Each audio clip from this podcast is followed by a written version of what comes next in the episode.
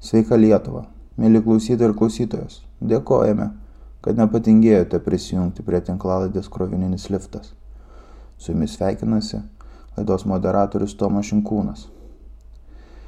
Šiandien turiu garbės sėdėti studijoje kartu su Viliumi Dranseika, Kreivarankiu, bet kartu ir Valentinu Mite. Netrukus bandysime aiškintis regionų klausimą.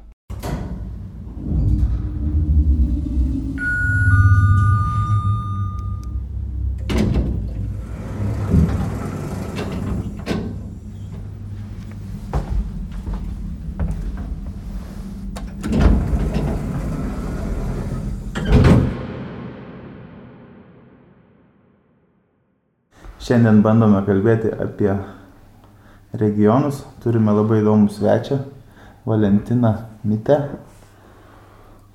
Aš turiu prisipažinti, 12 klasėje, kai pradėjau skaityti jūsų straipsnius, galvojau, kad jūs esat pseudonimas. Šiandien išaušo ta diena, kai pamačiau jūs gyvai. Tai užtruko 10 metų sužinoti, kad tai yra kitaip. Pseudonimas ir anonimas, ar ne? Taip. Tai palauk, kreivą rankį tu pamatėjai, tai dėl to jau tai nebėra pseudonimas. Tiesą pasakius, kreivą rankų dar iki dabar mažai tikiu. tai šiandien kalbam apie e, regionus. Ir provinciją. Provinciją, bet ne periferiją ir kaimą. Ar ir apie tos kalbėti? Galima ir apie juos pakalbėti. Tai gal pradėkime. Apie mus pašnekėsim, galima tada ir apie likusius du. Aš tai tada iš kitos pusės pradėsiu, nuo paprasčiausio. Kodėlgi mums nereikėtų naikinti kaimo kaip po tokio. Bet čia pats klausimas jau sudėtinis, jame yra prielaida, kad nereikėtų. Mhm. Gal reikėtų? Toks teiginys. Ja. Kam mums reikalingas kaimas? Štai. Visų pirma, klausimas labai įdomus vien dėl to, kad svarstama, ar jį reikėtų naikinti, kad jį reikėtų naikinti, o jis pats iki šiol nenyksta, niekas neišvažiuoja, pilna žmonių ir čia ateis avulis, pristatys gražių pastatų vieną šalia kito Vilnių ir kaimo neliks, visi išbėgiaus. Toli gražu. Manau, kaimas nyksta, taip, tie procesai yra normalūs, bet kaimas neišnyks ir, ir tuo labiau nebus sunaikintas. Bet kas ten gera tam kaime tokio yra, kad jis nesunaikinama kažkokia tai tradicija, žemė, tėvynės koncepcija užkasta kažkur. Kodėl žmonės lieka e, kaime? Na tam gudžiam kaime, ne periferijoje, ne regione, bet iš esmės kaime, na kokio juodo, tai pavyzdžiui, kur nebeveikia tas nemono fabrikas, darbo nėra, bendrabučiai tušti. Aš galiu kalbėti tik už save.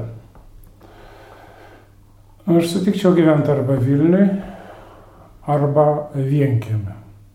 Bet ne kaime, ne, ne toj vietoje, kur yra daug sodybų, kur vienas kitą pažįsta, kur vienas kitą žiūri per tvorą ir žino, ką kaimynas daro ir ko nedaro. Kalbu iš asmeninės patirties, nes e, turiu vienkiemį Pakruojo rajone. Ir tai nėra vienkiemis, kaip dažnai žmonės nusiperka sodybas kur nors e, Zarasuose ar Labanore kažkas gyveno, aš nusipirkau, o čia dabar aš gyvenu, čia ežeras, čia gražu, ne, nieko panašaus. Ten mano senelis atsikėlė Stolipino reformos metais, 20-o amžiaus pradžioj, po 5 metų revoliucijos, buvo mūrininkas. E, yra jo mūryti pastatai, yra jo sodintas sodas, Tris obelis atsivežė iš kaimo keldamas į vienkėmį, kitas pats pasodino. Aš žinau, kas pasodino kokį medį, kur ten sodinta mamos dėdės ar tetos, kur yra sodinta sesers su manimi, kur yra sodinta mano vaikų. Tai yra visai kitas dalykas negu sodyba Zarasuose. Bet to aš ten gyvenau iki 18 metų, man tai yra namai. Vienas aspektas, kitas aspektas e, atsivežęs kompiuterį. Aš galiu pliniausiai skaityti New York Timesą, ką ir darau. Ir niekas man tos teisės netims. Aš galiu išėjęs į kiemą rėkti, rūkyti, niekas ant suoliuko neužrašys, rūkyti negalima. Tai yra pilna laisvė. Pilna laisvė ir esi namie.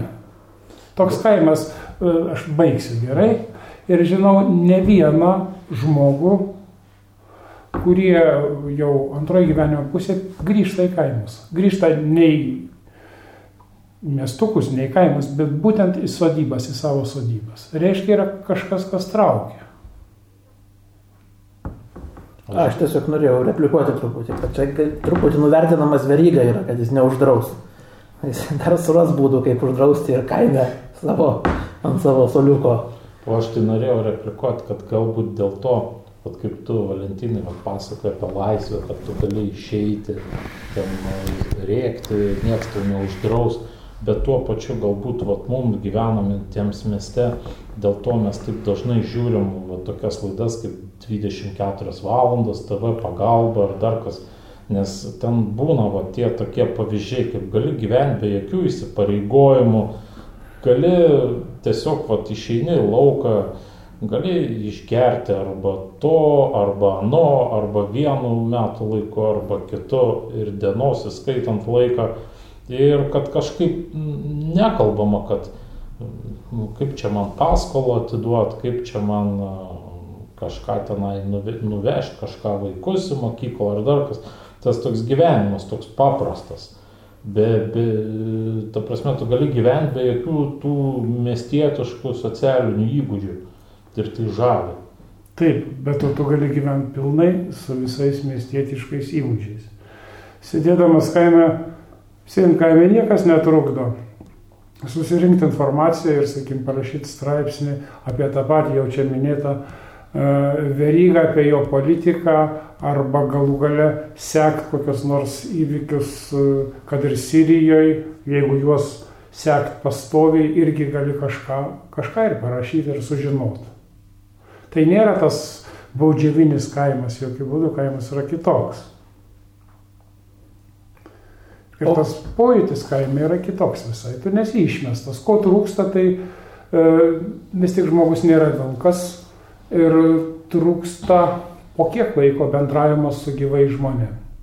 Bet tam yra Vilnius ir man idealus variantas būtų kokios trys savaitės kaime, savaitė Vilniui, tam, kad sutikti žmonės, kad pašnekėt, kad nueiti kavinę. Aš nesakau, kad nueiti teatrą, pažiūrėti traviatą, bet ta prasme susitikti su žmonėm. O, o kiek čia toks gyvenimo būdas yra išimtis, o kiek taisyklė, kiek žmonių kažkaip panašiai į savo gyvenimą provincijoje žiūri. Aš sakyčiau, čia retas atvejis. Nu, gal nėra absoliučiai skaičiais retas, bet procentiškai. Be abejo, tai yra retas atvejas, bet aš žinau bent porą sodybų tam pačiam rajone, kur yra vad būtent taip. Būtent taip. Mm, pats tai dalykas, kad tai yra retas atvejis, dar nereiškia, kad tai yra blogas atvejis. O tikrai ne. Auksas irgi yra retas metalas. O štai dėl tų tvorų, ten kažkaip buvo išlindęs toks vaizdinys, kur kaimynai per tvoras pasižiūri, ką kits kitas veikia. Ir taip toliau man vis įspūdis būna važiuojant kažkur pro provinciją, kad tvorų kiekis yra radikaliai sumažėjęs nuo to, kiek aš atsimenu, kiek jų būdavo anksčiau. Kad tvoros yra masiškai greunamos visur. Dabar kaimas pasidarė be tvorų. Gyvatvorę kažkokią gal gali turėti, bet dažnai tiesiog šiaip gazonas. Gazonas dažnai labai beskonė padaryti, tie visi gal kam nors ir patinka, bet man tie medžiai kamuoliai tikrai nepatinka, man patinka daugiau tokia laukinė gamta, nors prie jos dirbti iš tikrųjų, kad ten auktų nedilgynės, o žolė reikia nemažiau. Taip, tos tvoros dinksta, bet tos tvoros vėl atsiranda ten, kur yra ežerai, jos greunamos, jos atsiranda, čia yra mano, čia aš su šunim, tu čia nepraeisi, yra tokie dalykai, bet bent e, ten, kur aš gyvenu, tokių dalykų tikrai nėra, nes jų negali būti. Kaimas yra už pusantro kilometro Iš vienos pusės miškas, iš kitos miškas, laukai ir viskas. Kam tos tvoros, nebent nuo stirnų, kurios beje man sugebėjo nugriaužti. Gal kokį 40 pušaičių vasarą pasodintų. Atrodo, eiktų į mišką ir ėsk, aplinkui laukai ėsk. Ne, būtinai susirado ir nugraužė gražiai. o, truputį pasukant temą, aš atsimenu, kai leisdavau laiką pas senelius kaime, tais, ten sykiai susidarydavo įspūdis, kad e, žmonės kažkaip truputį kompleksuodavo kartais dėl to, kad jie vat, regione gyvena ir taip toliau. Netgi būdavo kartais tokių pykčių grįžta studentas iš Vilniaus ir nebekalba tarmiškai. Ir tada kažkaip jį manydavo, kad čia kažkoks nevykęs dalykas ir vadindavo gramatikuoti. Tai tas gramatikuoti buvo toks, toks kaip reiškia viena vertus, nu, toks pasyv, pasyviai agresyvus santykis su tuo gramatikavimu buvo. Kažkiek pašaipos, kažkiek pabarimo, bet kažkiek gal ir pavydo toje vietoje. Kiek, kiek yra vat, žmonės iš regionų kažkaip nepatikliai ar, ar piktai, ar su pavydu, ar taip toliau žiūri į tą savo padėtį. Čia ne, ne apie patį, aišku, nes paties tokia, kitokia situacija. Mano visai kitokia situacija. Bet nes, apibendrinant. Nes aplinkui, e, tai ten gyvena buvęs klasės draugas, tai kitoje vietoje, tai tas e, dviem metais vyresniai, tas žemesniai klasiai mokėsi, aš kalbu visą laiką tarmiškai, be jokių e, ten ne tą bendrinę kalbą, bet tarmiškai būtų. Ten visi kalba tarmiškai ir aš kalbu tarmiškai, aš nematau, ko čia reikėtų gėdytis, čia yra puiku. Ir todėl manęs nepriima kaip svetimo, mane priima kaip savo, kuris buvo išvažiavęs va, ir, ir va čia pasirodė ir labai gerai. Mes turim sodybą ir Zarasų rajone, ten nu, dar turim. Jinai ten aplūžus, bet ten jau tas požiūris kitoks. Ten maždaug va čia pas mane atvažiavo mano mafijozas, o pas tave atvažiuos tavo mafijozas, mano mafijozas davė tiek, o kaip tavo, aš čia nelies, čia yra mano mafijozas. Toks buvo požiūris. Bet ten buvo svetimas kraštas. Mm. Bet dar kitaip tada gal. E, čia dabar turbūt nurimęs truputį tas kalbėjimas, bet prieš kokius 5-6 metus labai būdavo daug kalbama apie tai, kad vat, yra elitas ir runkeliai ir kas kažkaip būdavo dažnai bandoma perdėti su tokiu didmeščio ir visos likusios Lietuvos skirtim. Kažkaip, e, ar tikrai ten kažkokią tokią skirtį mes čia galime išvesti? Ar jinai neina per didmeščių ir kas liko skirti? Aš manau, kad runkelių pirmiausiai galima rasti ir Vilniuje, ir Kaune, ir Klaipėdo, ir Panevežį. E, nereikia galvoti, kad atėjo kaimas ir išrinko visai Lietuvai valdžią atėjo kaimas ir nubalsavo už žaliuosius. Tada Kaunas tikrai yra kaimas. Tas skirtis kažkokia yra, natūraliai intelektualinis tas potencialas yra, yra didesnis e, mieste negu kaime, Vilniuje vien dėl to, kad yra aukštosios mokyklos, visokios akademijos ir taip toliau, ir taip toliau, ir taip toliau. Bet kaime irgi yra visokių žmonių, kaip ir mieste. Ar ir nėra įspūdžio, kad silpsta truputį va, tas kalbėjimas apie tokį susiskaidimą tarp, tarp dviejų lietuvų ir taip toliau, kad dabar jis nebe taip garsiai skamba kaip prieš keletą metų. Taip, bet dabar akivaizdžiau matosi, kaip tos Lietuvos labai skiriasi viena nuo kitos pagal uh, gaunamus atlyginimus ir galėjimus kažką nusipirkti. Jeigu mieste viena mano pažįstama ėjo dirbti valstybės tarnybą, laikė konkursą, ruošėsi egzaminams ir pateko. Sakau, tai kiek tu gausi? Nu, į rankas 500. Nu, atsiprašau. Kur verštis? 500 valstybės tarnybai. Nu, bet paskui gal bus priedai. Nu, tai priedai prasideda. Tai kaina už tokius pinigus gali pragyventi. Mieste aš nežinau. Sukant tą Viliaus pasiūlytą kryptimį, man šiaip visą laiką įdomus būdavo tas klausimas apie santykį su žeme ir e, šiek tiek galbūt su tėvynė. Jūs pats sakė, turite tą saudybą. Tai e, kiek žmogus prisiriša prie žemės, e, būdamas tam vienkiami kaime, dirbdamas ją ir kaip keičiasi tas supratimas apie žemę, būnant, pavyzdžiui, mieste kaip jums atrodo. Yra čia koreliacija su ta pačia tradicinių vertybių sistema, e, net galbūt Lietuvos kaip valstybės idėja.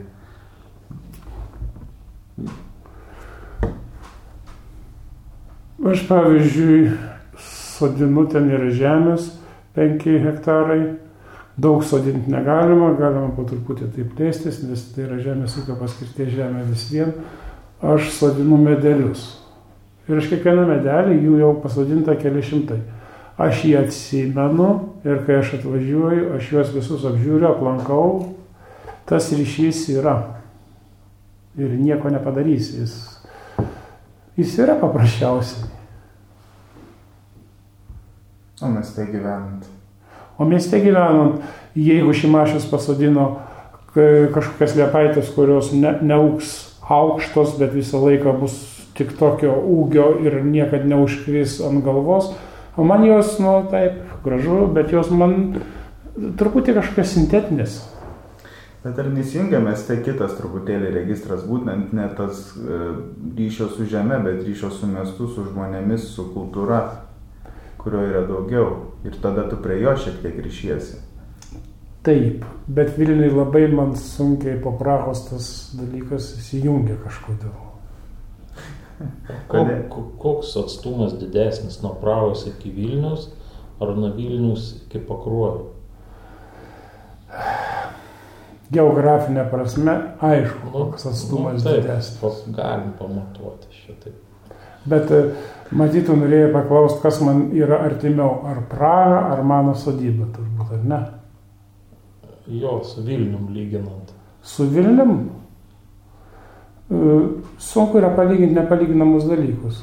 Ir Praha, ir sodyba yra artimi, tik tiek, kad Praha jau yra praeitį, o sodyba yra dabartyje. Praha yra praeitį kaip miestas, bet tas gyvenimas ir tas miesto ir kultūros pažinimas daug ką davė. Ta prasme, jinai nėra visai praeitį. Čia, aš atsimenu, tiksliai neatsimenu, kas rašė tą straipsnį, bet taip gan garsiai buvo nuskambėjęs vėlgi prieš penkis gal metus, kad Lietuvoje apskritai nėra miestų.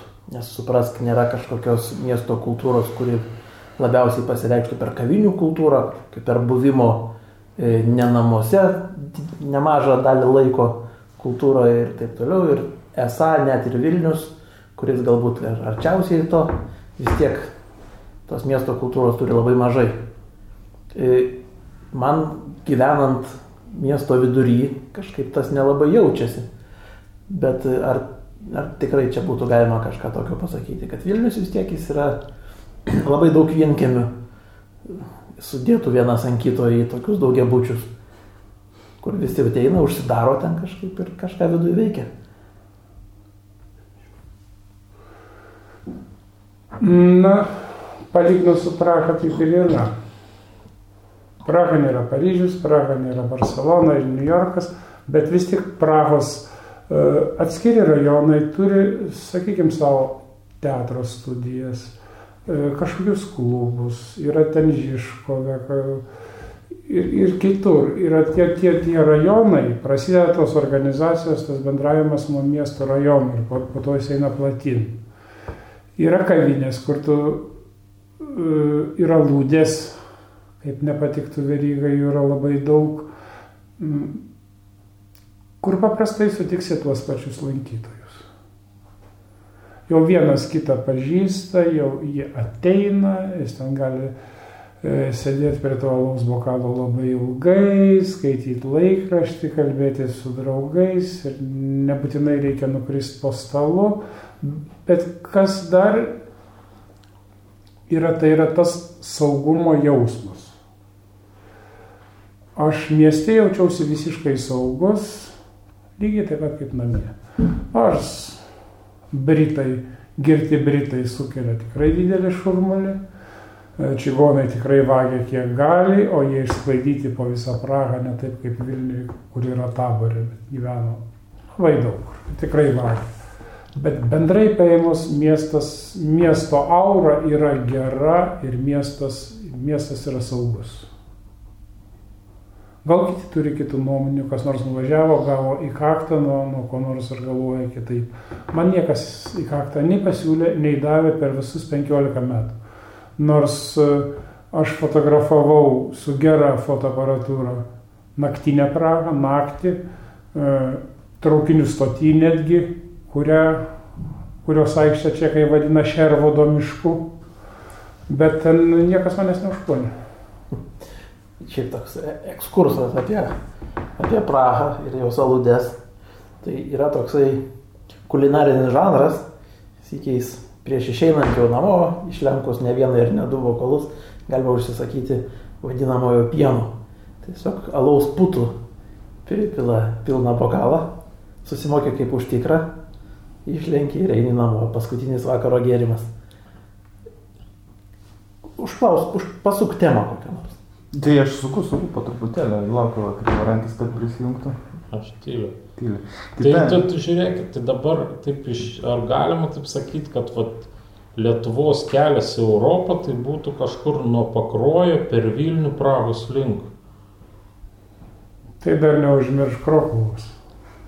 Dar pro Krokovą prasukti. Būtinai, aš patarčiau, labai nuostabus miestas. Tai va, Eini, tu, tu, vaikštai per Krokovą ir galvoji, pagalais, liktai Vilnius, bet ne Vilnius. toks lengvesnis perėjimas. Kitoks. Kitoks tas miestas. O Pragoje yra viena vieta, kuri primena, primena Vilnių, tai yra Nova Miesto, netoli Gračiano. O Krokova totaliai.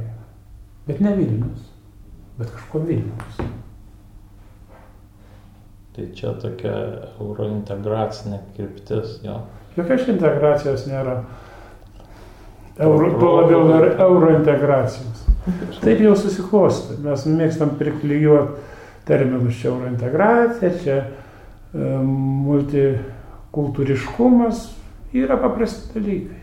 Žiūrėk, o tu gyveni vienkėmi, o dabar kalbam, tarsi tu toks žmogus esi, vat, kad vis tiek, pat savo profesinę, tu kaip žurnalistas, tu vis tiek daugiau susijęs su miestu, su, su kitom šalimis, tu gyveni juose, keliauji, rašai apie tai.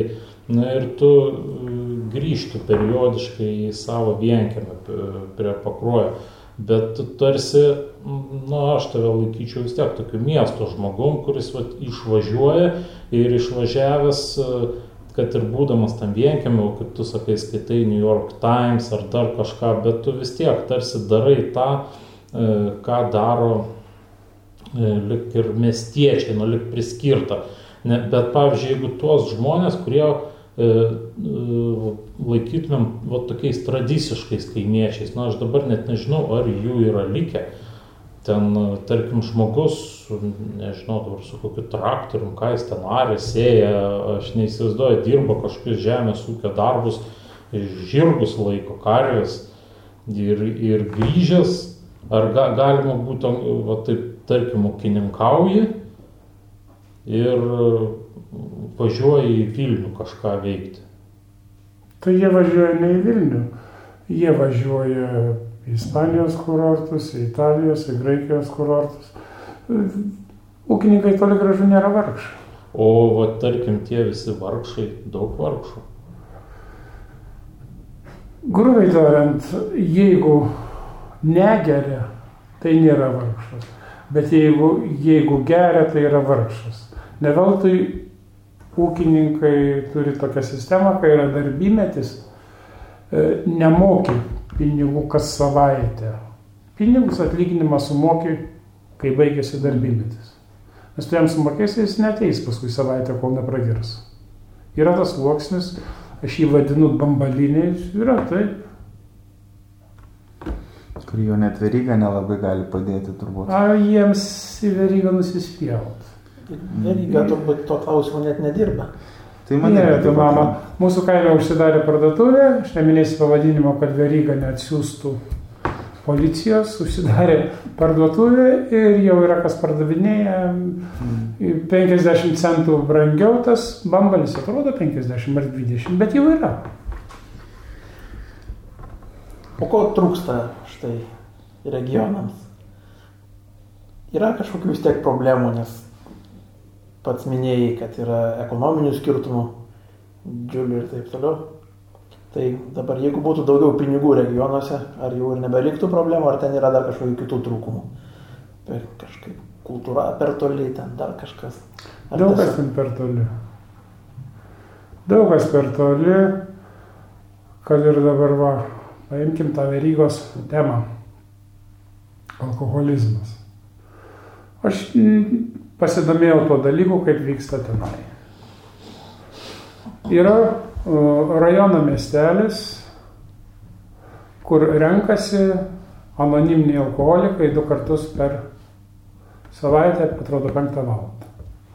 Ir jeigu tu gyveni už 16 km, tu net jeigu norėsi dalyvauti tuose jų susirinkimuose, tu ten negalėsi dalyvauti. Visų pirma, nėra autobusų, kurie nuvežtų tave, o kai nėra autobusų lengvai iš viso nevažiuot geriau gert, nu nėra to dalyko.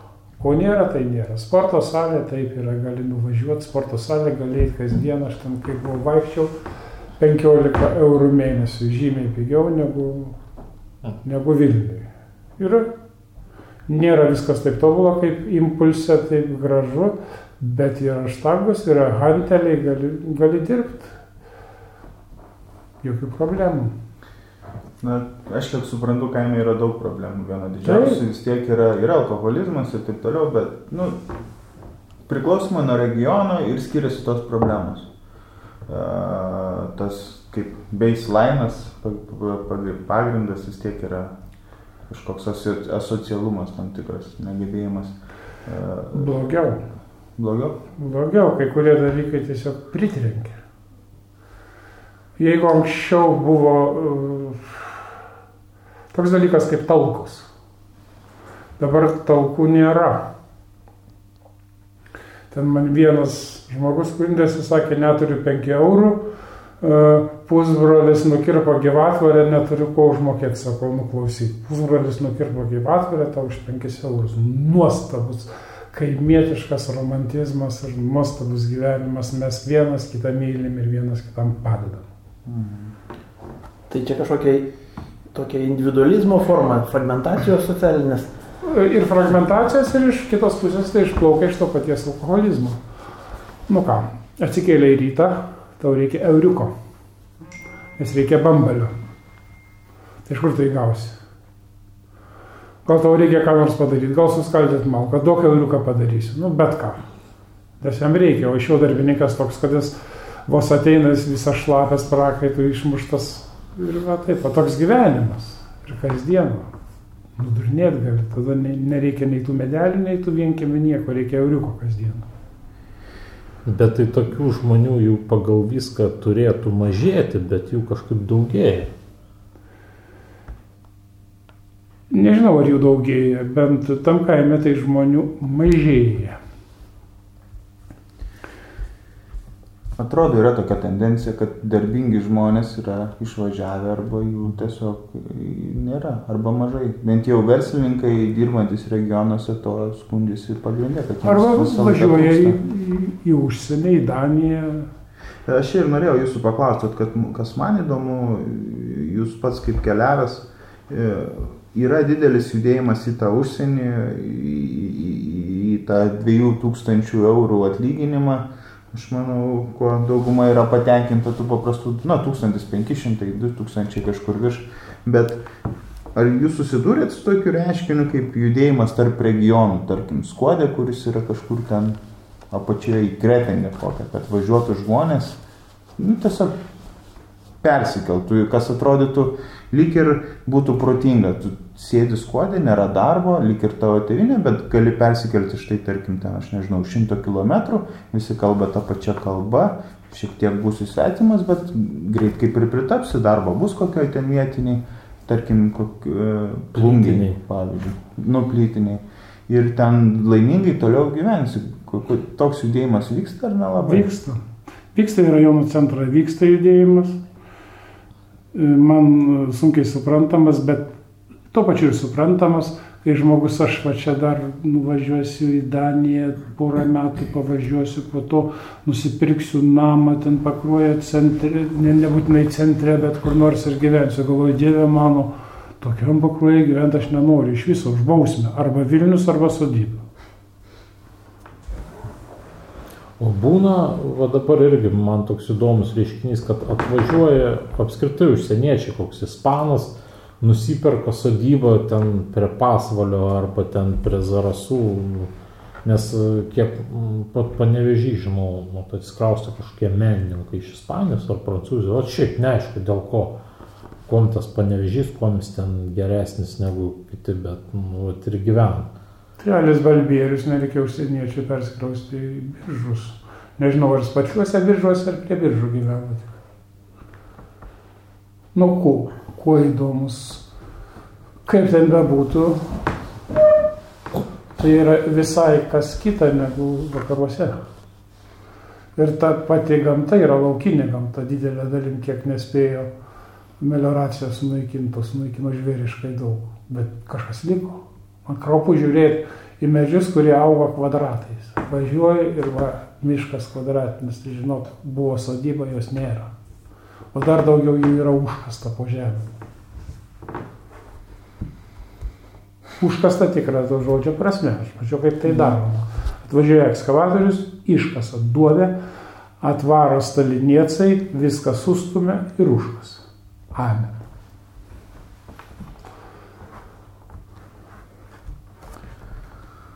Ką? Tai o po to, o po to pastatė kolhozus ir tos kolhozus Landsbergis ir Draskė. Tai čia jau kita istorija. Dviguba trauma. Dabar tokia gyvenam tokios dvigubos traumos periodo. O šiaip įdomu, kiek yra to sentimento likę, kad va ten kažkaip buvo tie laikai, kai buvo ten tarybiniai ūkiai, kur kažkokią turėjo infrastruktūrą, kultūros namai ten dar per stogą Mm. vanduo netekėjo, dar kažkas, o dabar kaip ir mažiau tos infrastruktūros.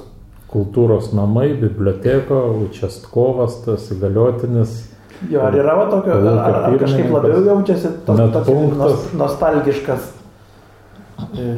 Tie, kurie jau juto tą nostalgiją, jie, jie išmiršta. Ir yra jaunesni žmonės, kurie netaip jaučia tą nostalgiją. Gal jaučia nostalgiją savo jaunystėje, bet tokio, kad aš negirdėjau, kad oi, prie vieno žmogus žinau, kad oi, prie rusų buvo geriau, oi, oi, oi. Bet taip tai nelabai. Nelabai.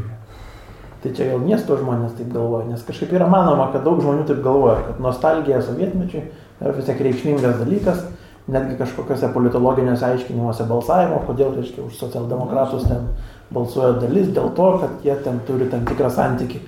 Gerai, netgi nekalbu apie, vad žmogus mieste aš pažįstu.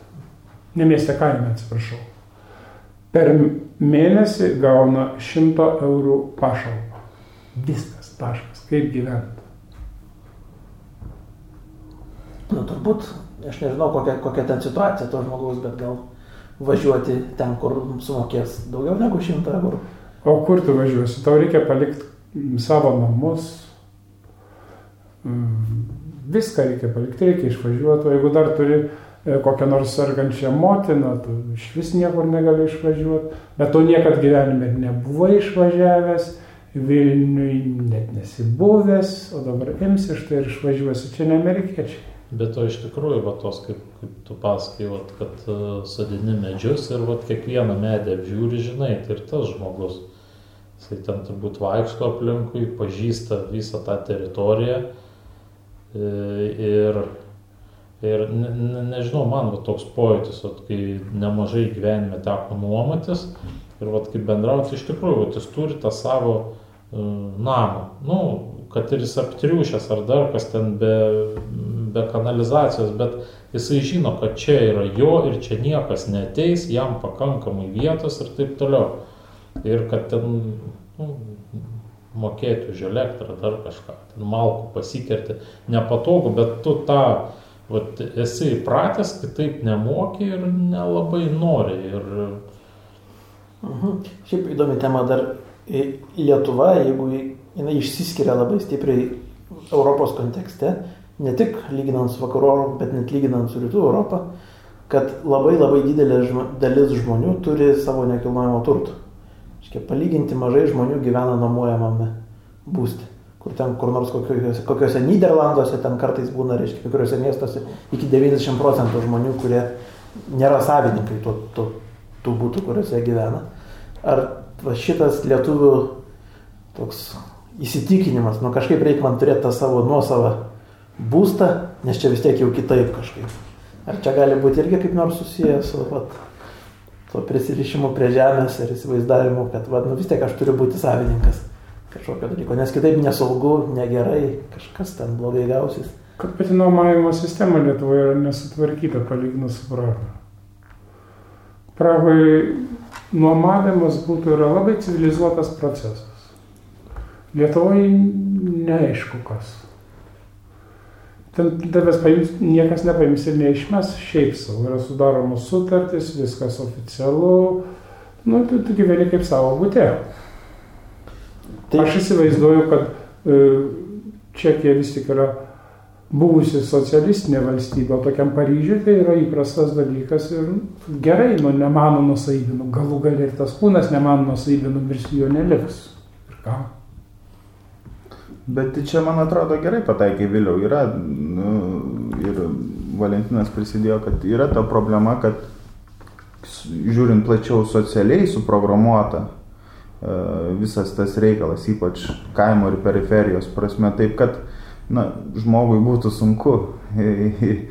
Nėra, čia tik viena iš problemų, ar ne, yra nuomos ar nusavybės, yra kitas, pavyzdžiui, neįgalių žmonių problema gyvenant periferijoje, yra tas pats alkoholizmas ir taip toliau.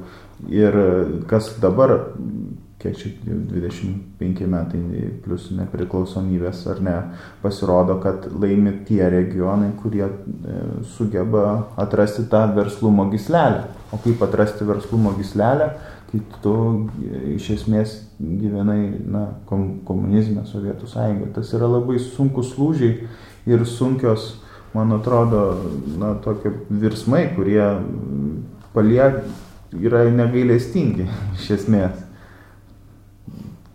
Taip. Taip, bet to, nu ką, kaip vyko ta kolūkio turto privatizacija, prisiminkim. Tai ten gavai traktorių, pirmininkas susipirko viską su agronomu, pasidalino, paskui gražiai susipirko žemę ir, ir turi. Kita grupė yra žmonių, kurie atvažiuoja iš miesto. Aš pažįstu vieną ūkininką, atvažiavo. Vėlgi labai įdomus dalykas. Kelias Vienoje kelio pusėje jis pasistatė savo sodybą, visokius ten grūdų džiovinimo pastatus, nu, didelė sodyba. Kitoje pusėje stovi kolūkio fermos, irgi didžiulės, kurios niekam nereikalingos, jas reikia numirs. Tai įdomu, kodėl jos niekam nereikalingos? Matyt, buvo prastos. Ar kas yra? Ir kaip taisyklė ūkininkai eina nuo nulio tos ūkininkus skirstau į dvi dalis. Ten buvę kolūkių pirmininkai ir jų jau dabar vaikai ir žmonės, kurie atvažiavo iš miesto su kita psichologija dažnai. Ir turbūt dar trečias yra tipas, kažkaip irgi iš Šiaurės Lietuvos.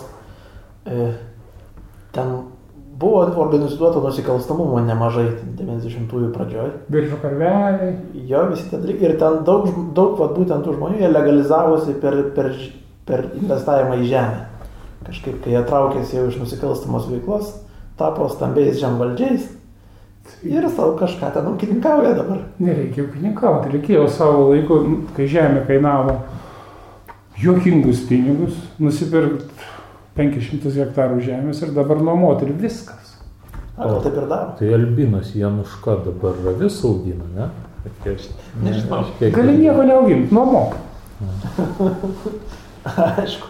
Na nu gerai, tai optimistinė šitą gaidą galim turbūt ir pabaigti, o, o vat, kad gaida optimistinė, tai man tai pasirodė kažkaip vasarą važiuojant vis per aukštaityje autobusu ir kažkaip ten tikrai tie kaimai bent jau palei didesnius kelius gražiai atrodo. Tai. Kažkaip vienas kitas apgriuvęs kažkoks namas, bet šiaip taip suremontuota, kažkaip gyvatvorės. Koks čia rajonas buvo? Apkarpytos čia daug maž anykščių, tenos, o. tas galas.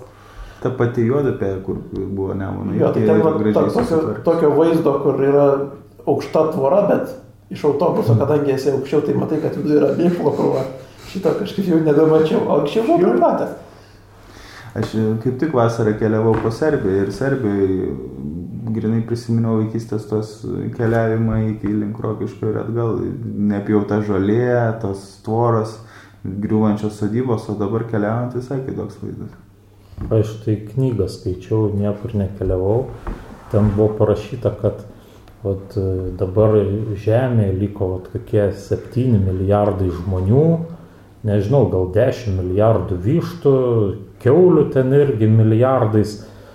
Nu, ta prasme, žm, tik tai žmonės ir tie gyvūnai, kurie naudingi žmonėm, bet pavyzdžiui, tigrų kokie keli tūkstančiai, dramblių irgi keli tūkstančiai. Tai bet juos, tuos tigrus ar dramblius visi stengiasi išsaugoti, visokie rezervatai, dar kas. Tai vis tiek dabar vykstant urbanizacijai, aš galvoju, mums reikia dėti pastangas, kad išsaugot kaimiečius, nes jų irgi, man atrodo, vat, bus kuo toliau, tuo mažiau. Ir mirs nuo alkoholio, arba nepakel, arba jie taip pat žūsta dėl to, kad miestai plečiasi ir nesugeba išgyventi. Valentinai, kaip e, jūs svečias, tarkit paskutinį žodį. Kažkaip. Dėl žvėrių aš nesutinku visiškai.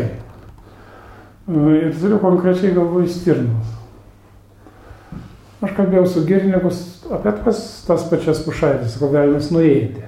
Sako, nuėdė. Sako, mums nuėdė ar hektarą, ar du neatsimenu. Pasodino mažoliukų, sakė, nuvarė visus vasarą. Tai yra jų, yra. Yra elnių, yra briedžių. Bet čia tokia analogija, vad stirnos nuėda tavo pušaitės, o kaimiečiai pašalpas dar iš biudžeto. Tai ką kaimiečiai turėtų medžioti stirnos ir išsilaikyti patys, bet tai tuo stirnų neliktų. Mm. Tai galbūt grėsmė kaimui nėra tokia didelė, vat, kaip tigram arba drambliam, aš dabar pagalvoju. Nežinau, ar nėra tokia didelė. Kaimas buvo sunaikintas iš esmės melioracijos metais. Tai buvo nušluotas kaimas, kuris buvo iki antro pasaulinio karo. Tai yra lietuviškas kaimas. Dvarai buvo palikti, o tas lietuviškas natūralus sodybinis kaimas buvo sunaikintas. Ypač suvalkyjoje visiškai nėra sodybų. O yra kažkoks garantinis laikotarpis melioracijai, ten tie vamzdeliai turi užsikišti ir vėl bus pelkės kaip vidurys. Taip, bet, bet rankom pasodinti du eglynai, kurie buvo iš vienos pusės mano sodybos ir iš kitos, jie neatsiras. Neatsiras pelkė, kuri kažkada toliau buvo ir kur buvo antis, nu jinai gal ir atsiras.